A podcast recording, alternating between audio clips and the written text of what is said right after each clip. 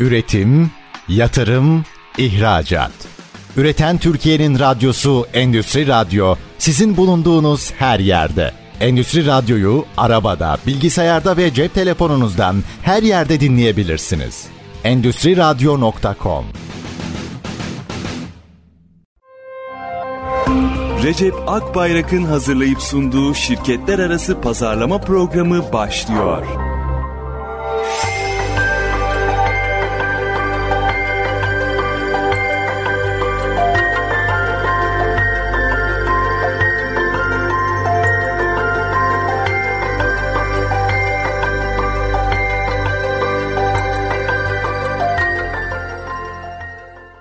Şirketler arası pazarlamadan herkese merhaba. Gözleme bak. Merhaba. Dün açtığımız bir konu vardı. O konuyla ilgili başlayalım. Aslında normal formatımız devam edecek. Sizler bugünlük bize sadece ara olarak soru göndermeyin e, lütfen. Ama tabii mail adresimize şirketten şirkete pazarlama konusunda info.cebakpara dilediğiniz zaman mailinizi gönderebilirsiniz. Biz mutlaka her sorunuzu yanıtlıyoruz. İşlerinde bilemediklerimizde ya bilmiyoruz diye yanıt veriyoruz e, ya da çalışıp tekrar onları da gündeme alıyoruz. Dün bir konu işleyelim biz size soralım diye bir gündemi getirmiştik. Bir mesaj rica ediyoruz sizden. Maaş zammı oranınız şirketinizde belli oldu mu? İşte olduysa oranınız nedir? Adınızı yazmanıza gerek yok. WhatsApp hattından bize sektörünüzü paylaşırsanız, işte maaş zam oranınızı paylaşırsanız, hiç almadıysanız da eğer henüz belli değilse ya da ekstra eklemek istediğiniz konular varsa onları WhatsApp hattımıza rica ediyoruz. 0555 169 99 97 interaktif bir program olsun. Sizlerden gelecek. İsterseniz tabii isim yazsanız da biz paylaşmak istemezseniz sadece istatistik olarak bu veriyi tutarız. Reklam aralarında ara ara toplayacağız sizlerin verdiği oranları. Program sonunda da işte bugün bizlere ulaşan sağ bilgisiyle yüzde şu kadar bir oran çıktı diye sizlere paylaşıyor olacağız. Konuya bağlantılı olsun diye bugün için seçtiğimiz bir, bir girizgah olsun diye B2B şirketlerde maaş politikaları neler, sahada neler var onları gözde bir istişare ederek bir başlayalım. Sonra birikmiş sorularımızla devam ederiz. Böylece de sorularımızı eritmiş oluruz. Hem de bakalım kimler programa ne tip veriler gönderecek maaş politikalarıyla ilgili. Aman çok rica edeyim aman siyaseti hiç girmeyelim. ST Endüstri Radyo'nun ve inşallah çok yakın bir gelecek Endüstri TV'nin de kırmızı çizgisi de siyasete hiç girmemek. Diyelim şimdi B2B şirketlerde maaş politikalarını neler gözlemliyoruz? Bu tabii mutlak doğrudur diye bir veri asla olamaz. Her şirketin kendine göre farklı politikaları var. Bizim işte mevcut benim yaklaşık 30 yıllık B2B şirketlerdeki deneyimim sahadaki bilgilerimle naçizane burada neler görüyoruz, neler gözlemliyoruz. Farklı farklı bilgileri burada aktarmaya çalışacağız. Global şirketlerle bir başlayalım. Mesela işte Türkiye'de temsilci değil de doğrudan kendisi olan markaların zaten işi biraz daha kolay. Onlar her şeyi döviz bazlı yaptıkları için orada biraz daha o tip şirketler ben nispeten daha şanslı buluyorum eğer belli bir kadrolaşma varsa. Genelde bazen tabii temsilci düzeyinde böyle ofis düzeyinde oluyor. Çok az çalışanı oluyor. Onlar belki istisna dışarıda tutulabilir ama genelde var olan ve Türkiye'de de belli bir ölçekte olan global markalara gözlemlediğimizde orada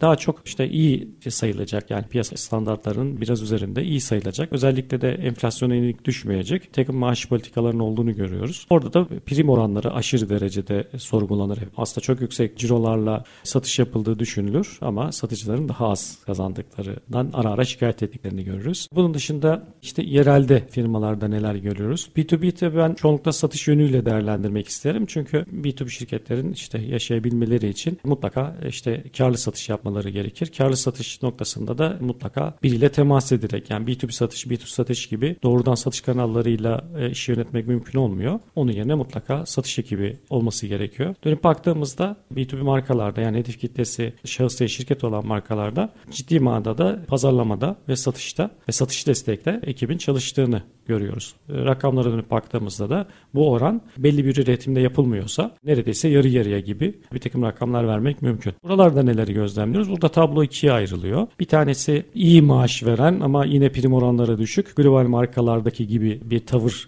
takınanlar ama bu aslında işte sektöründe iyi noktada olan firmalar. Yani zaten belli bir oturmuş pazarı var. Mevcut firmalarda işte karlı satışlar devam ediyor ama pazar yeterince büyümediği için onlar da işte satıcı endeksli bir takım maliyet maliyetleri arttırmak istemedikleri için böyle politika seçiyorlar. Özellikle de bir başka örnek özellikle pazara yeni girenler işte yeni kurulan firmalar onların şeyleri düşüktür. Maaş politikaları biraz düşüktür ama çok farklı oranlarda prim verirler. Onlar bazen böyle çılgınca rakamlardır ve piyasanın dengesinde allak bullak olur orası. Ama çoğunlukla tabii belli bir pazar olgunluğu oluştuktan sonra tabii o rakamlar sürdürülebilir olmuyor. Bu tarz örneklerle çeşitlendirmek mümkün. En istikrarlısı ne diye dönüp bakıldığında yani neye yatırım yapılıyor? Bir kere günümüzde yetişmiş çalışanı kaybetmemek çok önemli. Çünkü hemen her sektör yetişmiyor diyebiliriz. Çok fazla bunun tabii başka gerekçeleri var ama en önemlisi artık insanlar iş alternatifi konusunda özellikle işte uzaktan çalışabileceği, hibrit çalışabileceği, işte uzaktan kendi işini yapabileceği gibi çok farklı alternatifler de oluştuğu için gençler de bazı işleri zaten hiç yapmak istemedikleri için yani birini yollarınız ayrıldığında yerine birilerini koymak o kadar kolay değil. Hele bunu da işte maaş politikası gibi e, bir takım hatalarla kaybetmenin de çok bir karşılığı yok. Buralara çok ciddi dikkat edilmesi gerektiğini düşünüyorum. Ben kişisel olarak bir kendi e, stratejimi e, de paylaşayım. Çünkü bu konuyu ele almamızın sebebi de zaten pazarlama algı yönetimidir. Algı yönetmek bütünü yönetmektir. Siz algıyı eğer iyi yönetirseniz sonuçları iyi olur. Ben hemen her departmanı bir şekilde şu ya da bu nedenle şirketin toplam hedefleriyle bir şekilde eşleştirebilmenin bu mümkün olmadığı yerlerde de kendi içerisinde küçük hedeflerle yakalanabilir küçük hedeflerle bir şekilde primlendirilmeyi seviyorum. Bu ne kadar tabii herkes seviyor bunu bilmiyorum ama benim kişisel fikrim özellikle işte iyi kazanıldığında iyi paylaşıldığı iyi bir model olduğunu düşünüyorum. Bu konu sahada çok rastladığım bir şey değil. Hani çok böyle hemen her sektörde bu tarz şeyler varsa da ben bilmiyorum ama istisnasız hemen her departmana bunu kısmen dönem dönem uygulamaya özen gösteriyorum diyelim. Çerçevede böylelikle çizmiş olalım. Şimdi birikmiş sorularımızla devam edelim. Zeynep Hanım'ın sorusuyla başlayalım. Pazarlama çalışmalarımızı ve hedeflerimizi tüm şirkete ve çalışanlarımıza yaymak için neler önerirsiniz diye sormuş. Pazarlamanın mutlaka işte hedefi niye yapıldığı bütün departmanlarla birlikte bir istişareyle mutlaka neyi değiştirmek, neyi geliştirmek için pazarlama yapıyoruz. Belli iletişim kanallarıyla e, mutlaka düzenli olarak bunun paylaşılıyor olması çok değerli oluyor. Çünkü katılım gösteriyor insanlar. Özellikle çok sık şikayet alırız ya gözde sahadan. Hani pazarlama başka bir dünyada, işte satış başka bir dünyada. Bunu çok eleştirirler. E, bunun yaşanmaması için gene en ideali mutlaka şirketinizde gelişim süreçleri içerisinde neyi değiştirmek istiyorsanız, neyi geliştirmek istiyorsanız özellikle stratejinin belirlenmesi sürecinden, özellikle sağdan önce verilerin toplanması sürecinden zaten hani bunu yaptığınızda başarıya ulaşması da son derece zor oluyor, zayıf oluyor. Ne ihtiyacımız var? Önce bir kere sağ verisine ihtiyacımız var. Sağ verisi noktasında satış ekibinin sahadaki deneyimleri, hatta işte ilk telefon, ilk çağrıyı karşılayan sekreter arkadaşımızın bile deneyimleri bize bir sürü şey söylüyor. İşte muhasebede, tahsilatlarda yaşanan zorluklar. Bunların her birinin bir veri, bir çıktısı var. Bunların her biri bir pazarlama stratejisinde yani geliştirmek, değiştirmek istediğimiz algıda kullanılmak için son derece önemli ve değerli oluyor. Böyle dönüp baktığımızda rutin olarak mutlaka iletişimin mutlaka paylaşılıyor olması, sağdan verilerin arkadaşlardan, ekip arkadaşlarından toplanıyor olması ve mutlaka sürdürülebilir açık iletişimde ne noktadayız, nereye geldik, bu yaptığımız bu pazarlama uygulamaları bize ne tip katkılar sağladı diye sıklıkla paylaştığımızda bütünlük bir paydaşlık oluşuyor. Bülent Bey sormuş. Firmayı bırakmış artık çalışmadığımız müşterileri geri kazanmak için neler yapabiliriz demiş. Bırakma sebebi var her birinin ve hemen hemen hepsi de aslında ayrı ayrı şeyler söylüyor. Genelde işte belki daha ucuzunu bulduğu için gittiği gibi düşünülse de her zaman sebep bir numaralı sebep fiyat olmuyor. Bazen küskün müşteri oluyor. Yeterince ilgi görmediğini düşündüğü. E bazen işte deneyim yaşamış olumsuz bir deneyim var. Halbuki doğru zamanda temas edilseydi çözülebilecek bir sürü şeydi. Durum vardı ortada. Bunları yaşamama adına biz zaten en sıklıkla önerdiğimiz sattı, gitti, arkasını döndü olmaması için mutlaka satıcının satış sonrasında da temasının iyi şekilde sürdürüyor olması. Satıcıya zaten bir kullanıcı deneyimi başladığında ona daha rahat fikrini söyleyecektir. Çünkü satış sürecinde vaat ettiği şeylerle yaşadığı deneyim eşleşip eşleşmediğini, bununla ilgili farklı taleplerin olup olmadığını satıcıya mutlaka söyleyecektir. Bu bir kere her şeyden önce şöyle bir tatmin de sağlıyor. Hani benimle ilgilendi, satarak gitmedi. En çok eleştirilen yerde burasıdır. Bununla birlikte pazarlama departmanında sahneye çıkıp mevcut satış süreçleri için söylüyorum. Sahneye çıkıp orada tamamen deneyimiyle ilgili, ürünü geliştirme ile ilgili e, soru cevapla, görüşle bu ilgilerini sadece kendi işinde e, kullanıp işi geliştirme açısından kullanacağını söylediğinde de yine karşı taraftan mutlu müşteriden de mutlu olmayan müşteriden de veri almış oluyor. Sonra kaybedilen müşteride de yine aynı şekilde bu sefer ilk temas kaybedilenden satış ekibinin temas kurması biraz antipatik oluyor. Çünkü yine satış odaklı bir geri dönüş olmuş olacak. Bunun olmaması için yine burada pazarlama departmanı sahneye çıkarak bir satıcı misyonun olmadığını, sadece bilgi almak amaçlı iletişim kurduğunu, yaşadığı işte olumsuz neler olduğunu, işte bununla ilgili sadece işini geliştirme adına bu bilgilere ihtiyacı olduğunda bir temas kurulunca yüksek oranda bu söyleniyor. Onun üzerine işte ne, ne geliştirilmesi gerekiyorsa, ne değiştirilmesi gerekiyorsa belki de strateji değiştirerek kaldığımız yerden devam etmek mümkün. Reklam arasına gitmeden önce bir kitap hediyesi verelim. B2B pazarlamayı anlatan Müşteri Bulma Sanatı kitabını hediye olarak almak için info.recepakbayrak.com'a bir dakika içerisinde kitap yazarak gönderebilirsiniz. İlk maili gönderen dinleyicimize kitap hediyesini ileteceğiz. Şimdi bir reklam arasına gidiyoruz. Reklamlardan sonra görüşmek dileğiyle. Üretim, yatırım, ihracat. Üreten Türkiye'nin radyosu Endüstri Radyo sizin bulunduğunuz her yerde. Endüstri Radyo'yu arabada, bilgisayarda ve cep telefonunuzdan her yerde dinleyebilirsiniz. Endüstri Radyo.com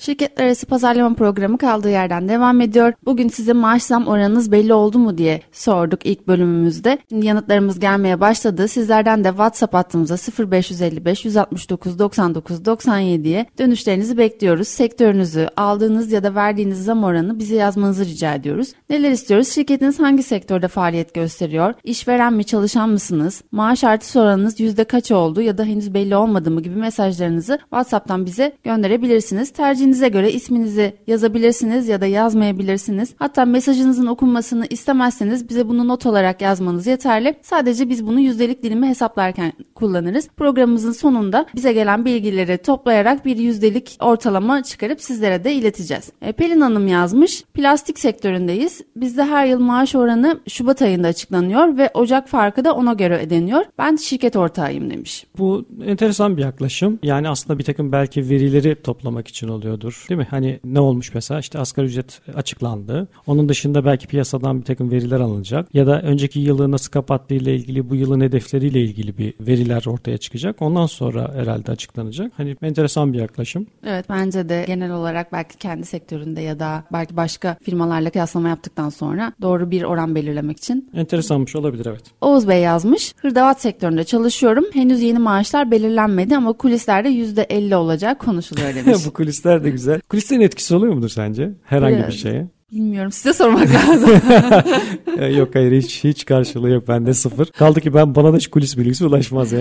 Benle ilgili bir şey yok burada. Başka bir dinleyicimiz ismini iletmemiş. Muhasebeciyim %50 demiş iyi yayınlar demiş teşekkür ederiz. Bursa'da bir makine firmasında çalışıyorum. Yıllardır sendikaya geçemediğimiz için çok iyi zam alamıyoruz ama yine de çalışma şartlarımız kötü değil demiş bir dinleyicimiz. Bu da güzel bir açılım olmuş. Yani tabii sendikalar işte 50 çalışanı üzeri sendikalı olabiliyor. Artıları var var. Yani sendikalı çalışmayı sevenler var, sevmeyenler var. Şirket bazen işte tek muhatap olması açısından bir şey olabiliyor. Önemli bulabiliyor. Bazen sorun olarak görebiliyor. Burada da farklı görüşler var. Ama güzel şey yanıtlar geliyor. Sizler de bize lütfen 0555 169 99 97'den maaş zammınızı aldınız mı? Aldıysanız oranı nedir? gibi kısa bilgiler aktarırsanız çok memnun oluruz. Başka bir dinleyicimiz bizde her yıl asgari ücreti artış oranında genel zam yapılıyor. Sektörümüz yedek parça demiş. Evet, bunun da belli bir mantığı var ama bu da geneli tatmin etme açısından gene kolay bir şey değil. Bir de geçen yıl nasıl kapattınız, bu ülke durumunuz nedir, pazardaki durumunuz nedir gibi farklı bir sürü parametreler de var. Sizler bize gönderin ara ara biz okuyor olacağız notlarınızı. Şimdi pazarlamaya dair sorularımızla devam edelim. Osman Bey'in sorusu var. Strateji belirleme noktasında sorun yaşıyoruz. Makine imalat sektöründeyiz ve ürünler genel olarak standart nasıl öne çıkabiliriz diye sormuş. İşte rekabet yönetiminin en çok ihtiyaç duyduğumuz yeri burası. Aslında neyi kastediyoruz rekabet yönetiminde? Müşterilerimizin zihninde markamızın algısını rakiplerimiz arasında değiştirmek istiyoruz. Yani yegane isteğimiz bu. Bunu yaparken ne ihtiyacımız var? Sahada çalışacak bir bilgiye ihtiyacımız var. Yani hangi durumu değiştirerek potansiyel müşterimizin ihtiyaçlarını daha iyi karşılayabiliyor olacağız? Hani bu böyle şey çok klişedir ya işte en iyi ürünü en ucuz fiyata almak da öyle bir dünya olmadığına göre daha gerçekçi, daha ayakları yere basan, mutlaka belli bir faydaya odaklanmış bir e, durum. Evet nefiste bir soru. Zaten standart. Hani bunu ne kadar farklılaştırabiliriz? Farklılaştırabilirsiniz. Evet belki ürünü farklılaştıramayabilirsiniz ama algıyı farklılaştırabilirsiniz. İşte pazarlama burada giriyor. E, bunu rakiplerinizden daha farklı yapmayı başardığınızda zaten karşımızda insan faktörü var. İnsan faktörü duygularıyla hareket ediyor. Zaten çok az pazarlama faaliyeti yapıldığı için çok yüksek oranda müşteri ilişkileri yönetimi yapıldığı için hemen herkes birileriyle arkadaş olmaya çalışıyor. Onun üzerinden bir satış yapmaya çalışıyor. Onun için dengeler pazarlamanın etkisi çok fazla değişmiyor. Birileri bunu çok yoğun yapmaya başladığında zaten Hemen ara açılıyor. O zaman da işte o kabul ediliyor. O zaten sektörün işte şusu busu. Hani onu zaten fiyatları pahalı. Bu sefer onunla rekabet etme yerine aşağıda pazarın az kalan yerinde iş tabiri caizse daha çok fiyata dayalı bir rekabete dönüşüyor. Strateji nasıl belirlenir? Sahadaki bilgilere dönüp bakıyoruz önce. E, müşteri algısı ne? Şu anda neleri sorun olarak görüyor? Örneğin memnun müşteriler, işte bizimle çalışan memnun müşteriler neler söylüyor? Örneğin diyelim ki bizim işte hızımızı, işte 7-24 sahada oluşumuzu, onlara yakın oluşumuzu seviyor. Ya da böyle bir hizmet beklentisi var ama bunu şu anda sağlayabilen hiç kimse yok. Buraya yatırım yapabilecek olan bir marka biraz daha ön plana çıkar. Bunun üzerine işte sahadaki bir şeyi siz sahiplendiğinizde, bunu rakiplerinizden daha fazla söylediğinizde, daha sıklıkla söylediğinizde müşteriniz zihninde farklılaşmış oluyorsunuz. Şirketin her sosyal medya mecrasında var olması şart mı? Ümit Bey sormuş Ankara'dan bir dinleyicimiz. Göreceli yani tabii potansiyel müşteriye ulaşabilmenin her kanalı şüphesiz önemli ve değerli ama olmuş olmak için mi olacaksınız? O zaman hiç olmasanız da olur durumu var. Yani böyle özellikle de işte linç kültürünün hakim olduğu sosyal medya kanallarında markayı böyle hem çok dikkatli tutmak hem ille de orada olmak falan gibi ekstra çabalar gerektireceği için yani çok gerekli olmayan yerlerde gücü de böleceğinize bence her yerde olmak şart değil. Zaten hani işte bu alanda belli ciroları kullanabilecek olan kesim şirketler olduğu için sosyal medya platformları da kendilerini olabildiğince çok B2B pazarda da yani B2C'de gidilebilecek yerler zaten işte gidiliyor, her an yapılıyor.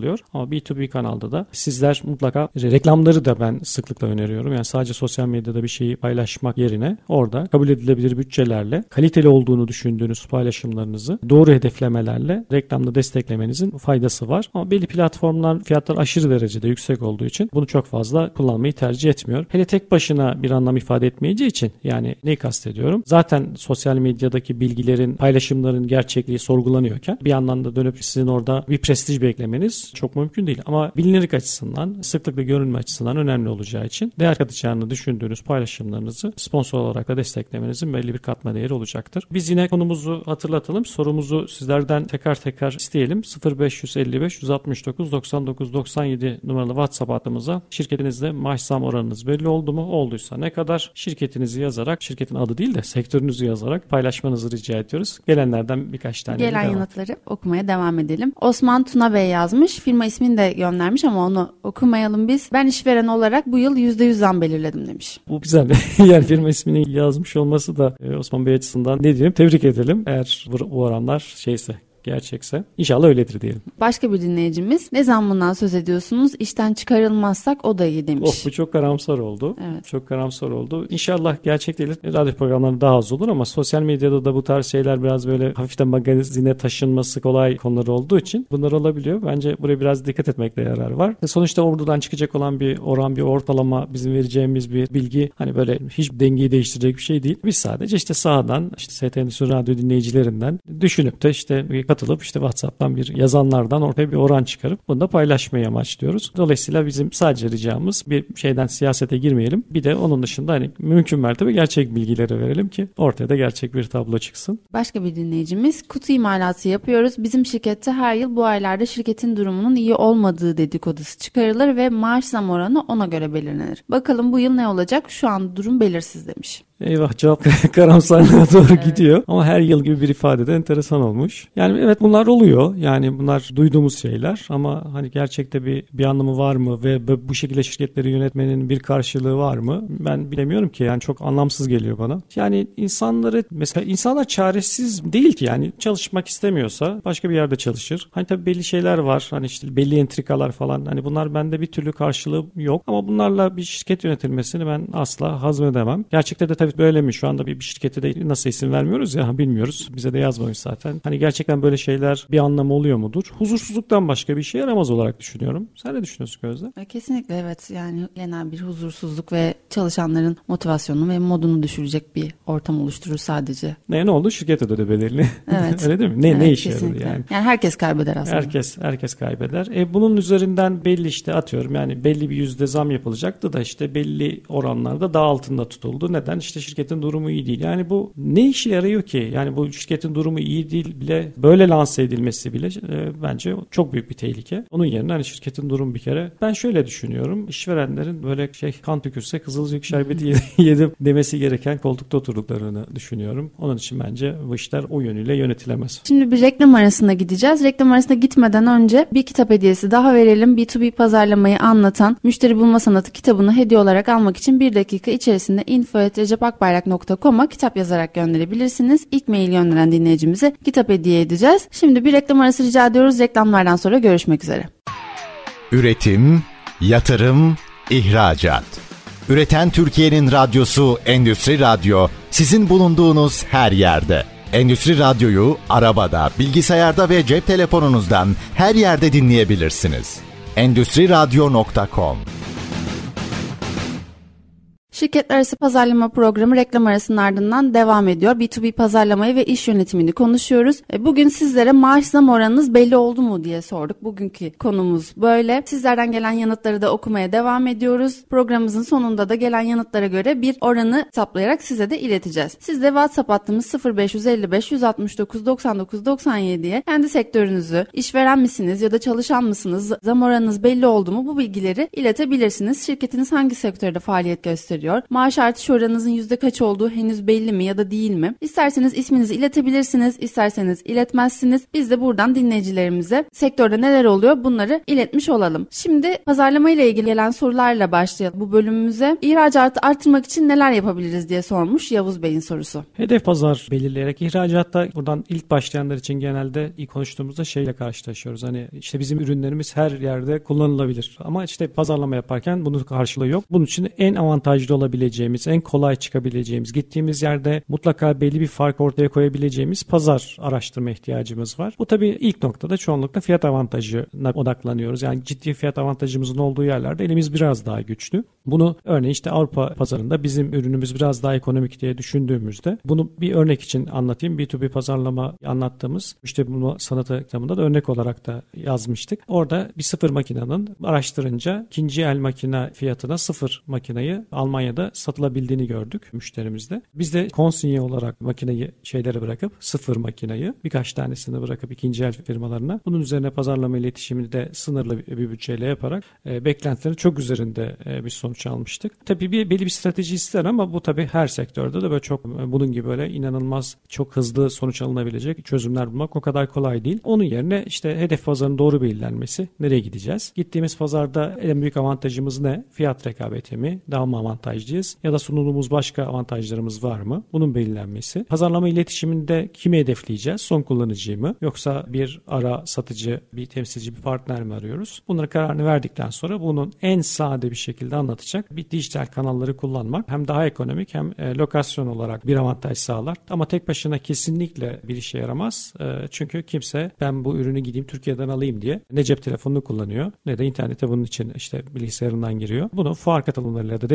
destekleyerek hedef pazarlar içerisinde bu şekilde büyümek daha doğru strateji oluyor. Yeni kurulan bir firmayız. Kendi ürünlerimizi üretmek asıl amacımız. Ancak yurt dışında bilinen bir markanın distribütörlüğünü de aldık. Neler önerirsiniz demiş Yavuz Bey. Valla ben öneririm de ya bunu distribütör temsilcisi olduğunuz markalar çok sıcak bakmıyorlar buna. Bunu engellemek için çeşitli bağlayıcı sözleşmeler yapmaya çalışıyorlar. Ama sahada da sıklıkla görüyoruz gerçekçi olalım. Şimdi bu bunu etkileyen faktör ne diye dönüp baktığımızda satamamak aslında. Yani pazara belli bir ürünü alıyoruz, Türkiye'ye getiriyoruz. Ürün için belli bir tanınırlığı varsa zaten kendi markamızı ön plana tamamen gizliyoruz. Ön plana çıkarmayı bir kenara bırakın. Tamamen o marka üzerinden bir pazarlama iletişimi yapıyoruz. İşte sahada e, belli bir bilinirlik oluşuyor. Artık işte tanınıyor. Toplantılar yapıyoruz. Fiyat teklifleri veriyoruz. Ürünün kalitesi hakkında çok fazla sorgulanmıyor. Çünkü yeni olan biziz. O marka yeni değil. Ama gel gelelim iş fiyata gelince takılıyor.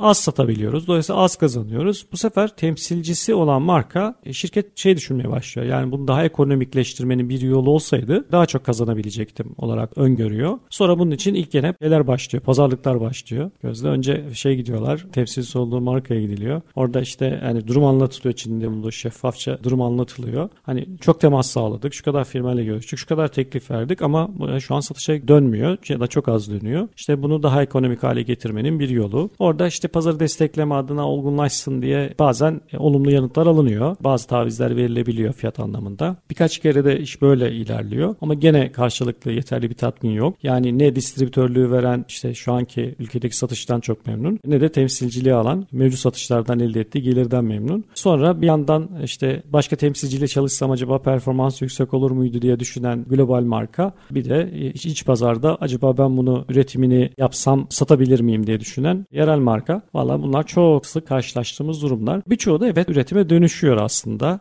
Ortak bir çözüm bulunamayınca başka çare kalmıyor. Birçoğu da üretime dönüşüyor. Burada iş nereye dönecekse dönsün. Mutlaka pazarlama iletişimini marka ile birlikte yani kendi markanızla temsilcisi olduğunuz marka ile birlikte pazarlama iletişimini kurmak gelecekte doğabilecek bunun gibi her türlü e, sorun açısından da çözüm temelini oluşturmuş oluyor. Ama öyle yapılmıyor tabii. Yani yapılan şey bu marka daha çok tanınıyor. Dolayısıyla benim markam daha çok son derece yeni. Bunu da çok basit birkaç testle hemen bu kararı verebiliyorlar. Genelde karşılaşılan durum da şu. Kendi markasını söyleyerek bir potansiyel müşteri aradığında ilgili departmandaki kişiyi telefona çıkarma oranı ile temsilcisi olduğunda onun markasının adını adıyla aradığını söylediğinde telefona çıkarma oranı çok daha farklı olduğu için kendi markasından yeni oluşmaya başladığı kendi markasından çok çabuk vazgeçiyor. Ne yazık ki sonra da iş oldukça zorlaşıyor. Yarın üretime başladığında da yine her şey aslında sıfırdan başlanmış oluyor. O işte tanındığı bireysel olarak iletişim kurduğu kişilerde de bu sefer büyük bir fiyat baskısıyla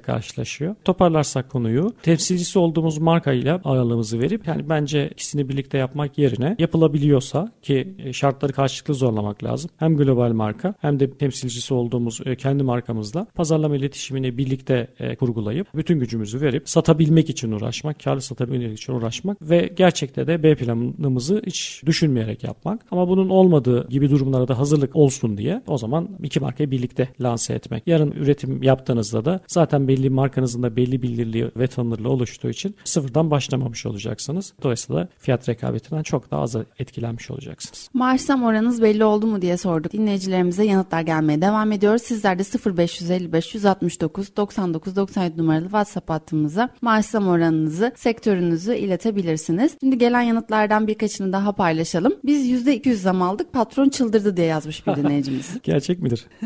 ya da gerçek olmasını diliyor olabilir.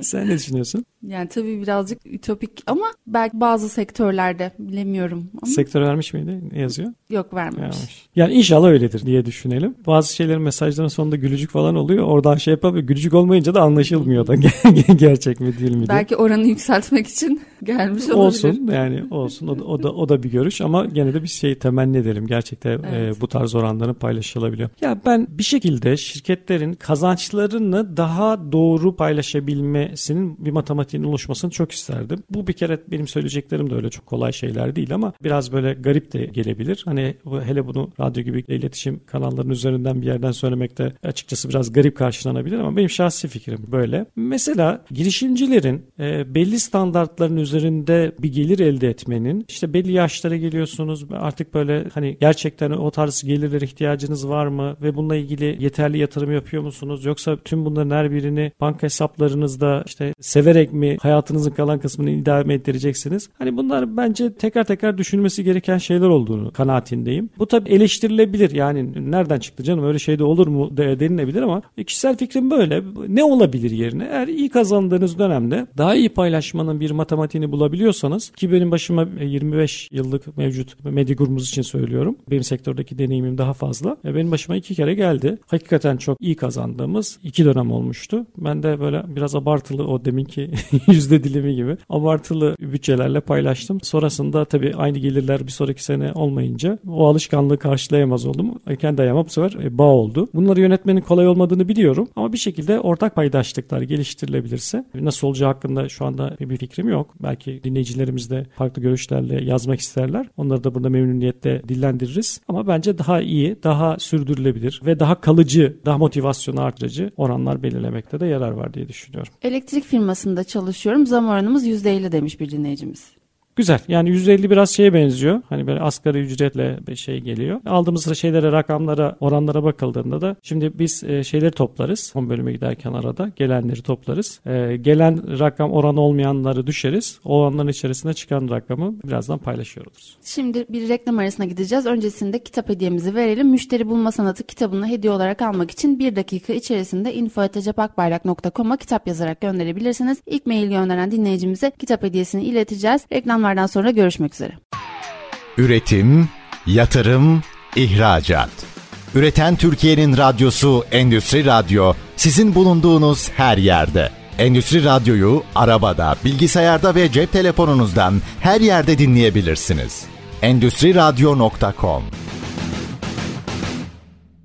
Şirket arası pazarlama devam ediyor. Günün sorusu maaş zam oranınız belli oldu mu diye sormuştuk. Gelen yanıtlarınızı toparladık. Bir kısmını okuduk. Bir kısmını okumayın demişlerdi. Onları atladık. Belli bir orana doğru gidiyoruz. Şu an bu son bölümümüz. Birazdan oranı açıklıyor olacağız. Şimdi sorularımıza devam edelim. Evet pazarlama ile ilgili gelen sorularımıza devam edelim. Kadir Bey sormuş. Enerji sektörü için yurt içi ve yurt dışında bir yol haritası çizecek olsak neler yapılabilir demiş. Büyüyen pazarlarda enerji de onlardan bir tanesi oldu. Çok böyle yeni oyuncular hemen sahneye girdi. Başka sektörde olan firmalar pazar büyüyor olarak gözlemleyince hemen bu alana yatırım yaptılar. Tabii yatırım ölçeği şirketlerin kendi kapasiteleriyle doğru orantılı ama yani çok küçük bütçelerle de tabiri caizse devasa yatırımlarla da enerji sektöründe oyuncular sürekli arttı ve artmaya da devam ediyor. Böyle bakıldığında belli süreç geçer geçmez bir yandan bazı ürünler önce piyasada azken kar marjını daha kolay tutturabiliyorsunuz. Sonra alternatif tedarikçiler çoğaldıkça fiyat baskısı başlıyor ve kendi içerisinde siz bu sefer karlı satmakta zorlanıyorsunuz. Enerji sektörü bu, bu ikinci evreye doğru geldi. E bir de fiyatlar işte hem geriliyor hem özellikle de kredi maliyetlerinde e, işte değişkenlik gösteriyor olmasından kaynaklı biraz enerji sektöründe yatırımların biraz daha zayıfladığını, biraz daha beklemeye aşamasına geçtiğini görüyoruz. Tabii bunu enerjinin her alanın için söyleyemiyoruz. Yani rekabet mesela işte GES'te çok daha fazla yoğun arttı. Bu tip pazarlarda bir de bunun sonu var tabii. Yani en son işte çatıların adediyle bitecek iş. Tabii ki teknoloji gelişecek, değişecek, daha yeni şeyler gelecek, devreye girecek ama bunun içerisinde işte yeni oyuncular da girdikçe fiyat rekabeti artacak. Bu tip pazarlarda nasıl farklılaşabiliriz çok fazla oyuncunun olduğu? Örneğin makine sektörüyle kıyasladığımda makine sektöründeki firmalar e, zaten işte imalatı bu işin kolay değil. Temsilciliğini de alsanız e, işte dünyadan kabul edilebilir markaları işte Türkiye'ye zaten yıllar önce geldi. İşte bir dönem işte uzak doğuyla bunlar çok fazla bir anda sayılar arttı. Ama orada biraz böyle marka değeri açısından da bir fiyat skalası oluşmaya başlamıştı. Şeye döndüğümüzde, enerji sektörüne döndüğümüzde birçok şey yeni başladığı için, teknolojinin de daha yeni yeni geliştiği bir alan olduğu için orada işi tamamen farklılaştırmak çok kolay değil. Bunu özellikle de bunu borsaya açılan enerji firmalarının çok yoğun reklamlarla yönetmeye çalıştı ve böyle fiyata dayalı rekabetten çok daha başka bir alana rekabeti götürmeye çalıştıklarını gözlemliyoruz. Ama tabii onu o tarz bütçeleri işte o kadar e, sıklıkla reklamları, o kadar yoğun reklamları kullanmak herkesin karşılayabileceği bütçeler değil. Dolayısıyla bunu önermek çok mümkün değil. Dolayısıyla bir alan seçip yani kimlerin pazarından daha fazla pay alacaksınız, o alandaki söyleminiz ne olacak diye iyi araştırılması gereken, bu çerçevede de rekabet yönetiminin iyi belirlenmesi gereken bir sektör enerji sektörü. Yurt dışı pazarlarda da yine aslında enerji özelinde bambaşka bir yere taşıyamıyorum. Ben çünkü yurt dışı pazarların kendi dinamiklerine, kendi matematiklerine, kendi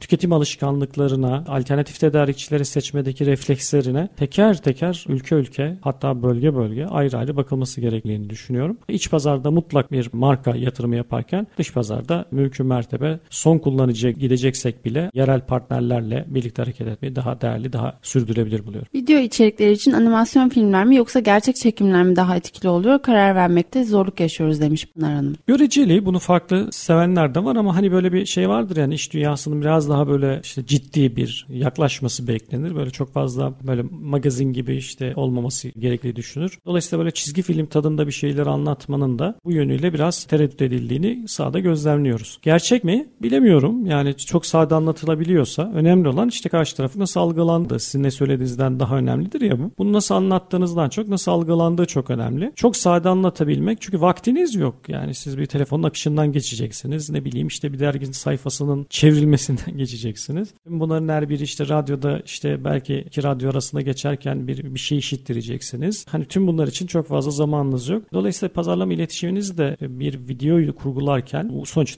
itibariyle bir pazarlama buradan beklentiniz var. Bunu böyle bir bulmaca haline dönüştürmenin de çok bir karşılığı yok tabii. İnsanlar sıkıldığında hemen çıkıyor. Bunu şöyle de gözlemleyebiliyoruz. Bazen inanılmaz büyük bir izlenme oranlarına gitmiş bir video görüyoruz. Bu işle ilgili bunları söylüyorum. Diğer zaten hani şey konu dışındaki o milyonlar vesaireler onları hiç kastetmiyorum. Ama bir bakıyoruz işte videonun izlenme oranının işte örneğin işte 3 dakikalık bir video çok aşırı izlenmiş ama izlenme oranı ortalaması işte 7 saniye 11 saniye falan gibi böyle hani çok aşırı derecede düşük. Neden? Çünkü videonun vaat ettiğiyle gerçek ortaya çıktığındaki tezatlık çok derin ve insanlar işte videoyu izlemek üzerine belli bir refleks geliştirse de tamamını izlemiyor. E dolayısıyla bunu işte en şahane prodüksiyonla verdiyseniz ne olur? Bunu ekranın karşısına geçip de tek başınıza siz anlattıysanız ne olur? Bunu çizgi film tadında anlattıysanız ne olur? Hiçbir şey değişmeyecek. Önemli olan aslında en sade bilgiyi en kolay yönüyle nasıl verebileceğiniz. Hepsi olur, hepsi olur. Her şey olur. Ama mutlaka bunun çalışıp çalışmadığını test etmek lazım diye düşünüyorum. Sosyal medyada çok sık karşına çıkar. Senin videolardaki bireysel tüketim deneyimlerin neler gözde? Öncelikle uzun videoları yani uzun olmaması videonun mümkünse bir dakika içerisinde anlatması tabii daha teknik ya da işte nasıl kullanılır videoları hariç onlarda tabii ki birazcık daha e, süreden çıkılabiliyor. Burada kullanıcı deneyiminin anlatıldığı ya da orada o konunun uzmanının anlattığı videolar ilgi çekici oluyor. Yani bir insan faktörünün olduğu videolar ilgi çekici oluyor bence. Birazcık daha gerçekçi ve sıcak oluyor orada karşımızda gerçek bir kişiyi görmek. Ben böyle düşünüyorum. Hatırlar mısın biz bundan birkaç sene öncesinde videoları örneklerken 3 dakikayı geçmesin falan derdik. Evet doğru. Hala da işte günden güne daha da kısalıyor. Biz tabiri caizse işte o hap dediğimiz yer artık